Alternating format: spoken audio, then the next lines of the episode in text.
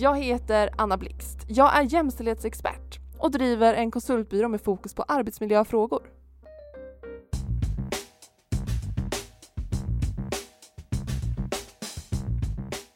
I det här avsnittet ska vi prata om vad sexism är. Ordet sexism har flödat ganska frekvent i olika medier, kanske framförallt sociala medier, de senaste tre, tre och ett halvt åren. Men det är ett väldigt missförstått ord. Vilket jag är ganska säker på att det beror på att det innehåller ordet sex. Och många blandar ihop sexism och sexuella trakasserier. När jag till exempel gjorde en enkätundersökning nyligen där jag samlade in erfarenheter av sexism fick jag flera exempel på just sexuella trakasserier. Och bland annat en kvinna som berättade att hon fått dickpics skickade till sig av papporna på förskolan där hon jobbar. Men det är ju som sagt då ett fall av sexuella trakasserier snarare än sexism. Vi kan dela fler exempel från den här enkätundersökningen på vår Instagram, Jämställt arbetsliv. Så vi ställer frågor till folk. Så. Um, vad är sexism? Uh, sexism. Känns som att det lutar åt något åt porrhållet på något sätt. Vad är sexism? Enligt Wikipedia, sexism innebär fördomsladdad diskriminering, förtryck eller utnyttjande av människor enbart på grund av könstillhörighet. Uttrycket sexism myntades på 60-talet av kvinnorättsrörelsen i USA och det är inspirerat av rasism som beskriver förtrycket på grund av race, alltså ras, rasism. Och sexism syftar alltså på förtrycket av sex, eller alltså förtrycket av kön, så sexism. Hade kunnat tänka sig att det svenska ordet skulle vara könsism. Könsism, rasism, könsism. Och det är alltså när en person ses som mindre värd på grund av sitt kön. Och det här syns i handlingar, representation och till exempel bilder. Eh, exempel på sexism kan vara att herrsport prioriteras före damsport. Kan ta ett exempel från mitt liv. Jag spelade i division 2 och herrarna i division 4, men de fick ändå bättre omklädningsrum, bättre förutsättningar för träning och matcher och så vidare. Typiskt exempel på sexism.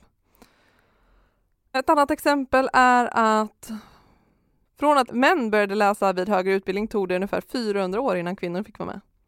För att kvinnor nedvärderades på grund av sitt kön och man ansåg att de inte var kloka nog att tillgodogöra sig en högre utbildning.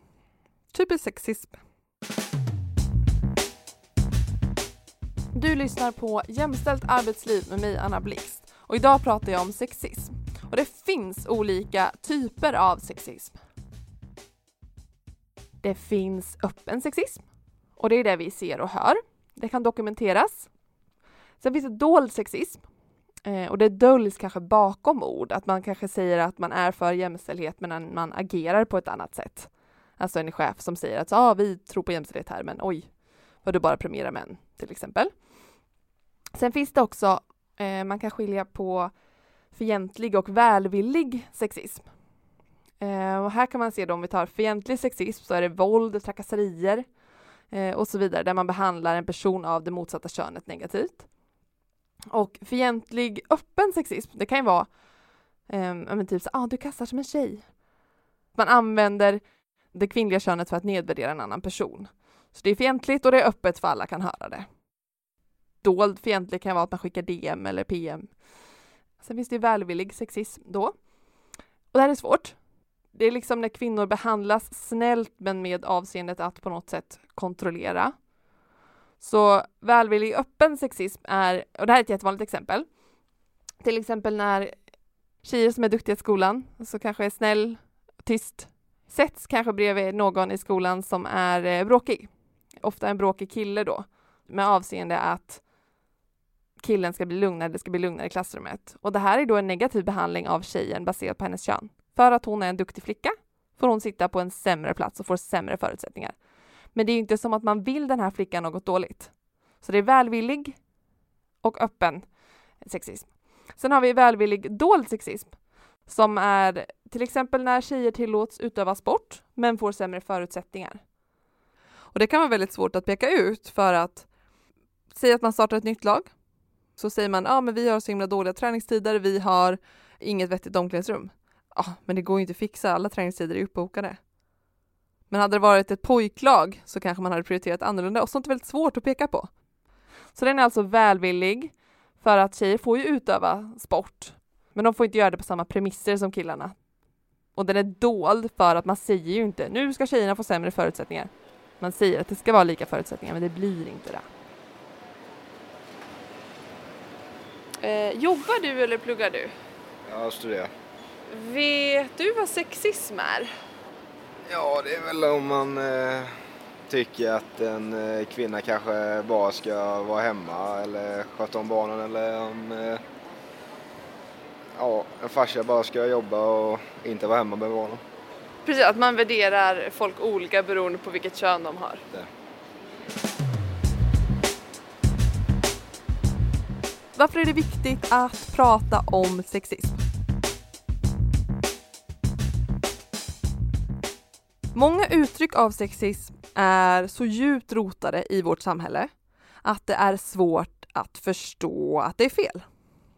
Och det har funnits under så lång tid så att det ses som naturligt. Och då måste vi prata om det för att upplysa både män och kvinnor. Jag brukar ta exemplet med att vi som kvinnor inte vet hur det är att vara en man i arbetslivet. Och vi kommer aldrig få reda på det. Och det vore fantastiskt om man kunde få byta en dag.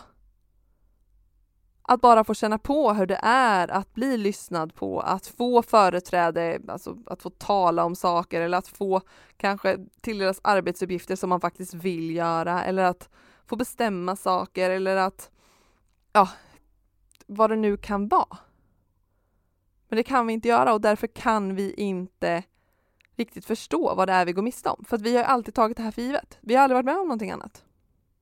Men om vi pratar om det så kan folk förstå vad som är fel. Och sexism kan också skapa obehag hos personer, kanske skamkänslor. Kanske man känner att ah, jag har gjort någonting fel eller varför är det just jag som drabbas av det här? Varför är det mig de inte kollar på i det här rummet? De kollar ju alltid på Jonas och på Kalle och på Ahmed. Varför kollar de inte på mig? Det måste vara fel på mig. Men om man då pratar om sådana här strukturer och man pratar om problemen som finns så kanske man kan förstå att nej, det handlar inte om mig. Då kan man få sätta ord på problemet och att skammen lyfts bort från den personen som utsätts för sexism. Och vi måste också prata om det, för om vi inte förstår att vi har problem på en arbetsplats eller i en familj eller vart det nu kan vara, så kan vi inte göra någonting åt det. Vi måste ha en gemensam grund av förståelse för att kunna göra någonting åt det här. Om vi kan sätta ord för det vi utsätts för så kan vi också bemöta det. Och det här är ju en podcast om jämställdhet i arbetslivet. Så vi ska självklart ta lite exempel på sexism i arbetslivet. En väldigt vanlig sak som vi pratar mycket om det är kvinnors lägre löner.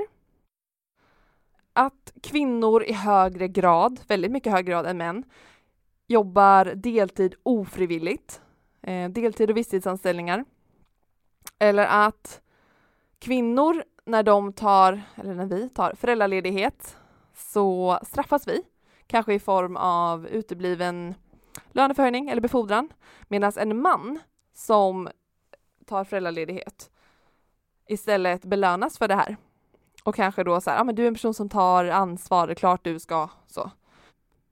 Jag läste faktiskt en artikel förut där det var en man som ville uppmuntra andra män då att ta ut mer föräldraledighet. Och så skrev han Föräldraledighet kan vara det bästa att skriva på CVt. Vilket ingen kvinna förmodligen kan vittna om. Sen skrev han då långt om hur positivt väldigt, väldigt många ser på just att en man har tagit ut föräldraledighet. Och det här med föräldraledighet är någonting jag kommer prata om mer i ett senare avsnitt, där jag går in och fokuserar på det. Sen har vi någonting annat som jag också kommer gräva ner mig i ett annat avsnitt och det är kompetens att kvinnor behöver vara mer kompetenta än män för att nå vissa positioner. Typiskt exempel på sexism. Och sen också det här med att traditionellt kvinnliga yrken värderas lägre än traditionellt manliga yrken. Och när kvinnor kliver in i en tidigare mansdominerad kår så sänks statusen. Sexism, vad är det? Alltså det är bull. Ja. Det, det är inte alls bra liksom. Det är någonting vi vad fan jobbar på och tänka på, alltså så, varje dag egentligen. Jag vet inte hur jag skulle beskriva det som så, men det är väl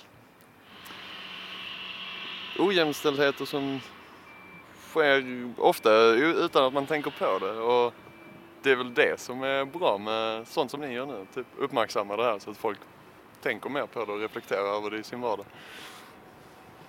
Där satte du faktiskt fingret på någonting. För det är just den här grejen att så här, ah, sexism det är dåligt. Men, men att man när man väl börjar prata om det så inser man kanske vad det är. Och det är också det du säger med jämställ eller ojämställdhet och att det finns överallt och så. Sexism. Uh... alltså jag vet att jag jobbar ju typ bara med kvinnor så det är väl en fördel. Så att det är inte så mycket sexism på arbetsplatsen för min del. Men det har väl varit. Eh, och det kanske framförallt blir då när, det, när jag har arbetat med eh, män som har varit liksom på högre pos- positioner. Ja. Men det har varit utomlands framförallt, kanske inte så mycket i, i Sverige. Vad jobbar du med? Eh, I Malmö stad. Jag tycker att ja, man jobbar väldigt mycket med jämställdhet och, och så här och sen så visst, det kan alltid bli bättre. så att jag ska, men jag tänker bara på ehm, min erfarenhet av att arbeta i Spanien till exempel och jag, jämför det med hur det är här i Sverige. Och det är väldigt stor skillnad så vi har kommit långt men absolut att man kan, alltså vi är väl mer kanske, vi är lite längre men vi är inte där. Eh, vad är sexism? Eh, oj, eh, jag tänker när människor blir räknade eller sedda som objekt istället för människor.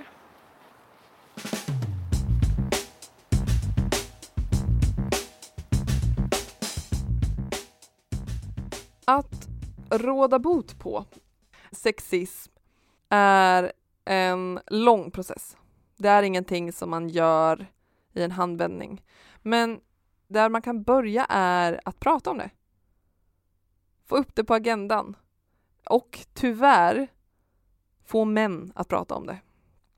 För det är precis som att kvinnor inte fick rösträtt förrän männen ansåg att de kan få det.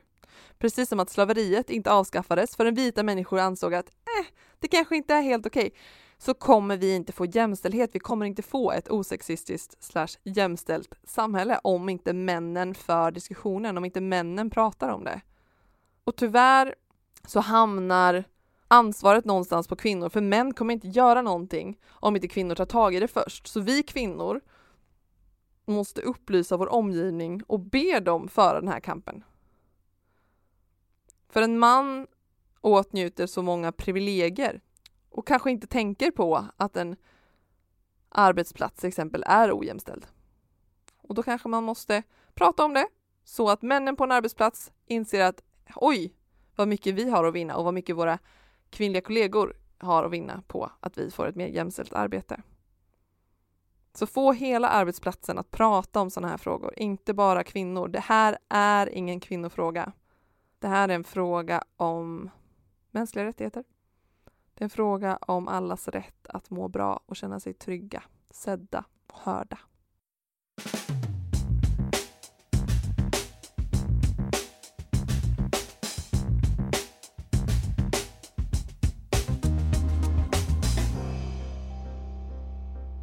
Hört ett avsnitt av podden Jämställt arbetsliv med mig, Anna Blixt. Vill du höra mer om mig så finner du fler avsnitt av podcasten där poddar finns och på min hemsida annablixt.com. Skulle du vilja att jag kommer till ditt företag och hjälper er med de här frågorna? Det är bara att höra av sig. Du når mig på mail annablixt.com. Tillsammans kan vi göra arbetslivet lite mer jämställt. Ta hand om er. Puss och kram!